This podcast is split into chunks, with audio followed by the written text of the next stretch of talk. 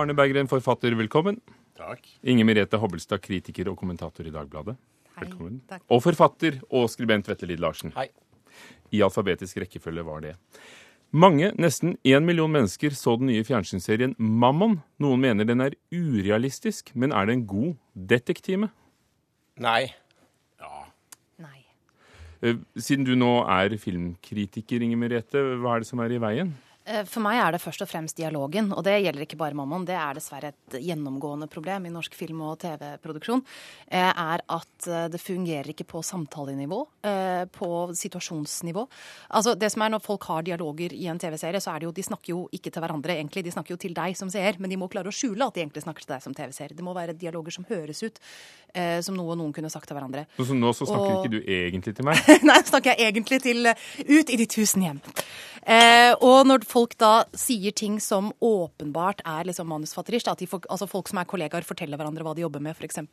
Altså den typen ting gjør en sånn, viser hvor konstruert det er, og gjør at jeg i hvert fall skyves ut av illusjon. Eh, det er hovedproblemet, og så er det en del andre. Manusforfatter, annet Arne Berggren. Ja, mange takk. Altså, jeg er også skribent, vil bare si det. Men, men jeg, jeg, jeg, jeg mener det er god detektime. Altså, en million mennesker ser på det. Vi snakker om det, alle snakker om det, alle er engasjert. Halve Norge går nå rundt og lurer på hva i all verden er det egentlig som skjer her, hvordan henger dette sammen.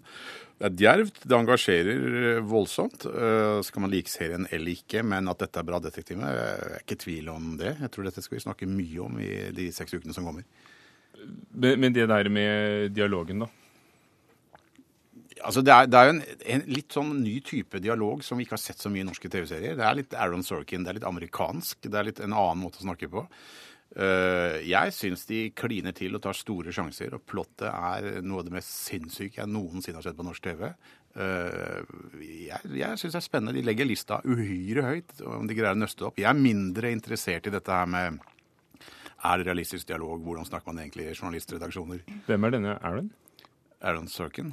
Det, det er broren til Fridtjof Sorkin. Ja, Veldig kjent. eh, En av de mest kjente TV-forfatterne. Det er medier med bilder, da. Akkurat. Eh, Nei, altså, øh, For det første må jeg si at det er lov å mislykkes her. sånn at det å diskutere andre kollegers øh, altså Det er jo ikke noe som er deiligere, selvfølgelig. Det er noe helt klart. Men, men øh, jeg, jeg, jeg- må jo lure litt på hva Arne Bergen har spist i den julen. For altså, jeg har sett en episode, og, og jeg syns at det var veldig dårlig. Jeg må si det. Og hovedproblemet er at jeg ikke tror på noe som helst der. Jeg synes at, ja, Vi snakker om dialogen. Jeg synes at man snakker sånn som, sånn som jeg husker man gjorde i dårlige filmer på 70-tallet. Det er stivt og kunstlet. Personene er pappfigurer. Jeg kommer liksom ikke på innsiden av noe. Og jeg syns at det virker som en dårlig forsøk på å etterape en dansk suksess. Lite selvstendig. Og jeg lurer på hvor er kvalitetskontrollen, og jeg lurer på hva også disse kritikerne som har sett og roser, har, har spist. fordi at jeg faller i hvert fall helt av. Og det er ikke fordi at jeg på en måte ikke godtar at det er lov å være litt frekk og freidig, men jeg må på en måte tro på greia. Og det er på en måte fundamentet for all kunst. Det er en kontrakt mellom seer og, og, og objekt. Man må tro på det, ikke sant? Og jeg tror ikke på det. Det er ikke noe jeg tror på der, og da faller jeg også av, dessverre. Altså, dette er jo en eh, vesentlig distinksjon. Det, er, altså, det har vært etterlyst eh, altså, De har forsvart seg med at det skal ikke være ren realisme. altså Man tar seg alltid kunstneriske friheter osv. Eh, men det er ikke nød- nødvendigvis det at man forventer én-til-én realisme, at det skal ligne virkeligheten, men man forventer troverdighet. altså Den må være der. At man tror på universet med sine egne interne regler. da. Og det er også noe som faller dels også hvis bruddet med virkeligheten og det man kan forvente blir for stort. da, Som når kollegaer snakker til hverandre på denne måten, eller når f.eks. Økokrim har en razzia i redaksjonslokaler som jeg tror det var flere enn journalister som kanskje syns var en smule underlig. Men vi blir liksom helt gærne når det gjelder TV-serier nå. Jeg er veldig opptatt av TV-serier, men det er i ferd med å ta av nå. Det er liksom det viktigste i samfunnet vårt snart. Alle aviser har liksom sin serieredaksjon med flere der enn kulturjournalister og politiske journalister. Det er, dette er ikke verdens beste serie, og det har ingen påstått at det er, annet enn norske journalister som hypa det veldig og var ekstremt entusiastiske. Det var femmere og seksere og enorme hyldninger over hele linja. Og så går det to døgn, og så, liksom, så snur man så voldsomt. De samme journalistene fra de samme miljøene skal nå hakke det fra hverandre. Jeg syns det er underlig. Jeg hadde ønsket meg langt mer nyansert og mer faglig orientert eh, kritikk. Jeg tror dette fenomenet vi ser nå, det er journalister som går helt bananas bare ordet TV TV-serie nevnes, det, det syns jeg er det rareste ved dette fenomenet. Men, men er dialogene så mye mer naturlige i danske serier som Broen og sånn, eller er det bare det at vi ikke klarer å gjennomskue at de kanskje ikke alltid er naturlige fordi vi ikke fordi snakker dansk? liksom, så vi det. Nei, altså, vi vet ikke når det er jeg, jeg, jeg, jeg kan ikke bedømme dialogen spesifikt. Jeg bare sitter som seer og ser på ting og føler at nå, er nå skjer det noe. Jeg er med på dette. Og selv et fantasy-univers kan er realistisk. Du tror på Trodde du på blindpassasjer, da? At noen blir borte om Ja, bord ja, på da, romferge? Selv, et, det var det da kan man selv et fantasy-univers Er det, troverdig. det må alltid være en gjenkjennelse. Det er hele greia. ikke sant? Selv i et fantasy-univers så er det en dypere menneskelig gjenkjennelse med hovedpersonene. Men her er det ingen gjenkjennelse. Og, og, og, og- og det er jo ikke som Arne sier, de samme som har snudd og først rost og så slaktere. Tvert imot så er det en, en, en rekke TV-anmeldere som jeg ikke aner hvem er, og som jeg ikke aner hvilke kvalifikasjoner øh, de har. Og så er det en rekke andre rundt i Twitter-universet som har reagert på dette. eh, Og at det sitter én million nordmenn og lar seg by dette og syns at det er fint. Greit nok, men de hadde også vært fornøyd med andre ting som kanskje lå et par hakk høyere enn dette her, altså. Det er nesten som da vi hadde bare én kanal. vet du. Altså jeg skal ikke gå helt så ned i eh, gehenna som det min eh, panel, medpanelist eh, gjør her. Jeg tenker at serien har eh, tydelige kvaliteter. altså Flere eksempler på godt håndverk i de mer sånn thrilleraktige scenene. I den der børstet stålaktige skildringen av det moderne Oslo. altså Det er ting som kan berømmes her. Men altså som sagt, ethvert univers er avhengig av eh, å rive deg med som seer. Og hvis det blir for mye som skyver deg på utsiden av illusjon, så er det et problem. Det er et problem med mange norske produksjoner, og det er et problem med denne. Men hun i Økokrim har arvet noe penger hvis hun skal ha råd som så ung til å ha den leiligheten. Det spiller ingen rolle, for det er jo ikke som programlederen her i Kulturnytt sa da han intervjuet eh, en eller annen som kritiserte serien. Men tror du at dette er reality, eller? sa intervjueren. Ja. All, all kunst, selv en TV-serie, er reality. Det må ha tilknytningspunkter. Noe som var helt virkelig, er jo historien vår. Vikingarven, som leder oss inn på neste spørsmål. For vi har gitt slipp på vikingarven, i hvert fall i populærkulturen. Det hevder flere. eh, Både en museumsdirektør i Vestfold og Aftenpostens kommentator Kjetil Lismoen.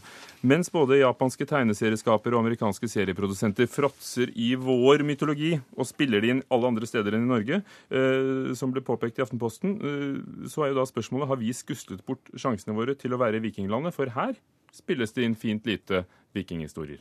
Nei. Ja. Ja. Men hvorfor bruker vi det ikke for alt det er verdt?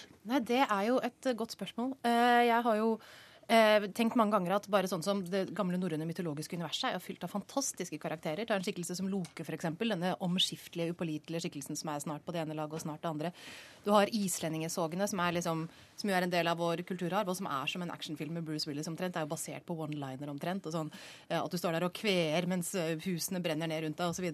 Eh, kanskje noen føler det er vanskelig å oppdatere. Det vil, å lage filmprosjekter, TV-serier på sånne ting vil åpenbart koste kolossalt med penger. Du skal ikke se bort fra at det har vært en brems opp gjennom historien. Men det er leit, for det er, en, eh, det er et veldig rikt persongalleri og noen fantastiske historier som bare ligger der og venter og blir videreformidlet på forskjellige måter. Vetle, du har jo selv fråtset i vår litt nærere historie i din siste roman, så, altså- altså- så er ikke dette gefundenes fresten for sånne som deg? Men eh, det er absolutt gefundenes fresten. Det kunne bli, sikkert blitt utnyttet mye mer. Men det er jo ikke vårt, da. Like lite som julenissen er vår. Jeg kan ikke grine fordi vi har mistet julenissen til, til Sverige. Vikingene er jo på en måte ikke våre. De er jo like mye skandinaviske eller danske eller svenske eller, eller Så jeg kan på en måte ikke se på det som bare vårt. Og ellers er jeg enig i at vi kunne utnyttet det mye bedre. Men det har jo også blitt utnyttet opp igjennom av liksom Ibsen skrev jo sånn, skrev ikke han sånn saga Noen av disse sagahistoriene hans, og andre har jo vært i nærheten av denne epoken. Eh, og de vil komme dit igjen. Om det kommer noen dårlige eller halvgode serier, så vil jeg ikke påstå at det betyr at de har rappet dette universet uansett. Liksom, det er plass til flere på den bussen. Så det bekymrer meg egentlig lite. Det går jo litt i bølger hvis man da tenker TV-serien, da. Gud forby, og filmer. Så, så går det litt i bølger. Og man, man, vi, vi, er, vi er vel litt treige. Jeg tror, tror denne bølgen med vikinger kan leve lenge. Jeg, øh, det, det er jeg helt enig i. Men, men vi, vi er liksom litt treige til å oppdage det. Vi har sånne sannheter om at vi skal ikke gjøre historiske ting. Vi skal ikke gjøre kostymedramaer og sånne ting. Jeg, jeg tror det, alle TV-forfattere og filmforfattere i Norge har vært på et vikingprosjekt som ble lagt ned fordi man trodde ikke at det ville fenge. Det er ikke Altså, fordi det blir for dyrt med alle de kostymene. Det er ikke fordi det blir for dyrt med alle de kostymene. Jo, man tror oss. det blir dyrt, og så, så ser man at det går an å gjøre det enkelt allikevel. Vikings er relativt, relativt billig produksjon, faktisk. faktisk. Så Men det er kanskje fordi den ikke er spilt inn i Norge? Kanskje derfor. Men så har de altså ikke hjelmer med sånne horn på. Ja, de har ikke de hornene. det. Det er visst bare Så- øh, står det på Wikipedia, i hvert ja. fall. Men altså, det som også er litt sånn rart, er at man ikke får lyst til å fortelle litt mer eventyr, tenker jeg. Nå synes, hadde jo jeg veldig stor sans for ideen bak eh, Gåten Ragnarok, og det var jo på mange måter en kompetent film som kom på kino i høst. Kunne vært enda litt bedre, kanskje. Men der spiller du jo på myten om Midgardsormen, ikke sant? Dette skrømte de møter. Men ingen tar seg i denne filmen på noe tidspunkt tid til å si fortelle hva Midgardsormen er. Denne slangen som liksom lå rundt jordskiven og møtte sin egen hale der, og Thor dro ut og skulle fiske den med et oksehode. Jeg tenker at sånne ting er jo Det er sånn eventyr som jeg syns var fantastiske som barn. Hvorfor benytter man ikke anledningen i en film å ta med det litt sånn storslagne og magiske og eventyrlige som ligger der i historien de allerede trekker veksler på? Det Det syns kunne jeg er blitt litt en rart. fin TV-serie hvis de som nå har laget Mammon, gikk over på dette drage, nei, slangeprosjektet. Ja. Og så kan du få, få en sånn eksentrisk Lisbeth Salander-aktig sånn vikingdame som sitter der ved, ved liksom arnen inne i huset og hutler seg og har litt sosial angst og tror andre er ute etter henne. Arne, det er da ikke sånn at i Italia så Det er da flere amerikanere og italienere som lager filmer om de gamle romerne? Ja, men hvor vil du vende med det? At eh, vi må da godta at det er flere amerikanere enn nordmenn som lager filmer om Det har jeg aldri, jeg, jeg har aldri men det er jo- altså- bare, bare hyggelig. Men jeg, bare, poenget er at vi, vi, er så opptatt av disse bølgene. øh, og, og mens vi sitter og diskuterer TV-drama og, og vikingtiden, så, så forsvinner bølgene, og så begynner belgierne å lage noe som er, er sitt. Det er vel det. Vi kan, vi kan ta sjansen på å gjøre noe først, for en gangs skyld. Det, det, Jeg er veldig enig med Arne. Det er veldig viktig det han sier, at tilfanget til den idéverden som skal liksom bli norske historier, da enten det er på film eller TV, er veldig lite. Det er veldig mye incest i Nord-Trøndelag. Det er veldig lite Historien er full av drama. Det er masse å hente hvis man bare gidder. Og det har ikke vært helt politisk korrekt kanskje å, å, å bruke vikingene heller etter Nå kommer jo amerikanerne med den serien om 1814. Ja, ja, nå kommer de ja, til vår tid. Morsomt at du skulle nevne det, Ja. for det er nytt år, 2014. Og et nytt jubileum. Grunnlovsjubileet er det mest storslagne av årets jubileer. Vi har jo feiret det i 17. mai så å si hvert år siden, um, nærmest som en protest i begynnelsen. Trenger vi en egen feiring for 1814? Ja. Ja. Ja. Er det, er, er det så opplagt eh, for denne grunnloven, hvor vi var tidlig ute med moderne grunnlov, um, er jo ikke så tidlig ute nå lenger? Altså, jeg, for det første er jeg tilhenger av alle jubileer. Eh, for at de eh, bringer liksom muligheten til å se på ting med, nye øyne. Ellers hadde vi glemt det, særlig i vår tid hvor vi er mer opptatt av øyeblikket enn noen gang før, kanskje. Så jeg er absolutt tilhenger av jubileer. Og 17. mai går vi til å feire, og, og lage et sånt 1814-jubileum kan vi se på litt mm, kanskje litt mer mm, faglig og på, på en ufattelig interessant eh, historisk epoke. Og apropos lage TV-serie, jeg skulle gjerne se TV-serien om, om 1814, jeg. altså, Og jødeparagrafen og alt som skjedde. Det var, og, og forholdet til Sverige. og Det er masse dramatisk stoff. Det er kjempespennende, og, og det er viktig. Så hvorfor ikke la oss bruke et helt år på det? Det syns jeg er en glimrende idé. Ja, ikke minst når man ser en statsminister som går rett inn og snakker om Nav og køene i psykiatrien, istedenfor å liksom løfte blikket i et sånt år, slik kongen forbilledlig gjorde. Så er det jo en helt klar påminnelse om at uh, jubileer og anledninger til å snakke de store linjene er, uh, er velkomment. Jeg er enig med alle her, og tenker at jubileer er verdifulle fordi de nettopp er anledninger til å se bakover, da, til å se noen av de store linjene. Eh, noe av det som gjør at jeg syns det er veldig interessant å alltid å lese, lese historie, er at man blir bevisst på hvorfor ting er som de er. At det slett ikke er gitt, at det ikke er noen naturlov som har brakt dette samfunnet. Altså Det ble resultatet av tilfeldigheter og valg og enkeltpersoner som drev frem det ene og det andre. Eh, og det er klart at i denne historien så ligger mye av kimen til hvorfor det er som det er i Norge. Hvordan makten er regulert, eh, fordelt, styrt osv. Eh, og det at man blir klar over hvilke prosesser da, som har ført til veldig mange ting som staten i dag fremdeles er basert på, som vi tar for gitt, det tror jeg bare er eh, bra. For det kan jo være at vi ikke vet så mye, stort sett, om hva som foregikk. Nei, Folk flest er jo tjukke i huet på dette her, dessverre. Alle under 30 skjønner jo ikke forskjell på regjering og storting og sånn. Og så her er det, her kunne man hatt, man kunne nesten tenkt seg en sånn public broadcaster som brakte mye av dette ut til Ja. folk. på Hvordan ser du for deg at det skulle være? Eh, Jeg vil, Ja, hva med lisens... Går det an å lage en thriller av dette her også? Lisensfinansiert, muligens? Her, her, her er det jo, her er Kanskje jo folk kunne betale det over skatten? Men tiden er jo knapp, da, for det er jo allerede, vi skriver allerede 2014.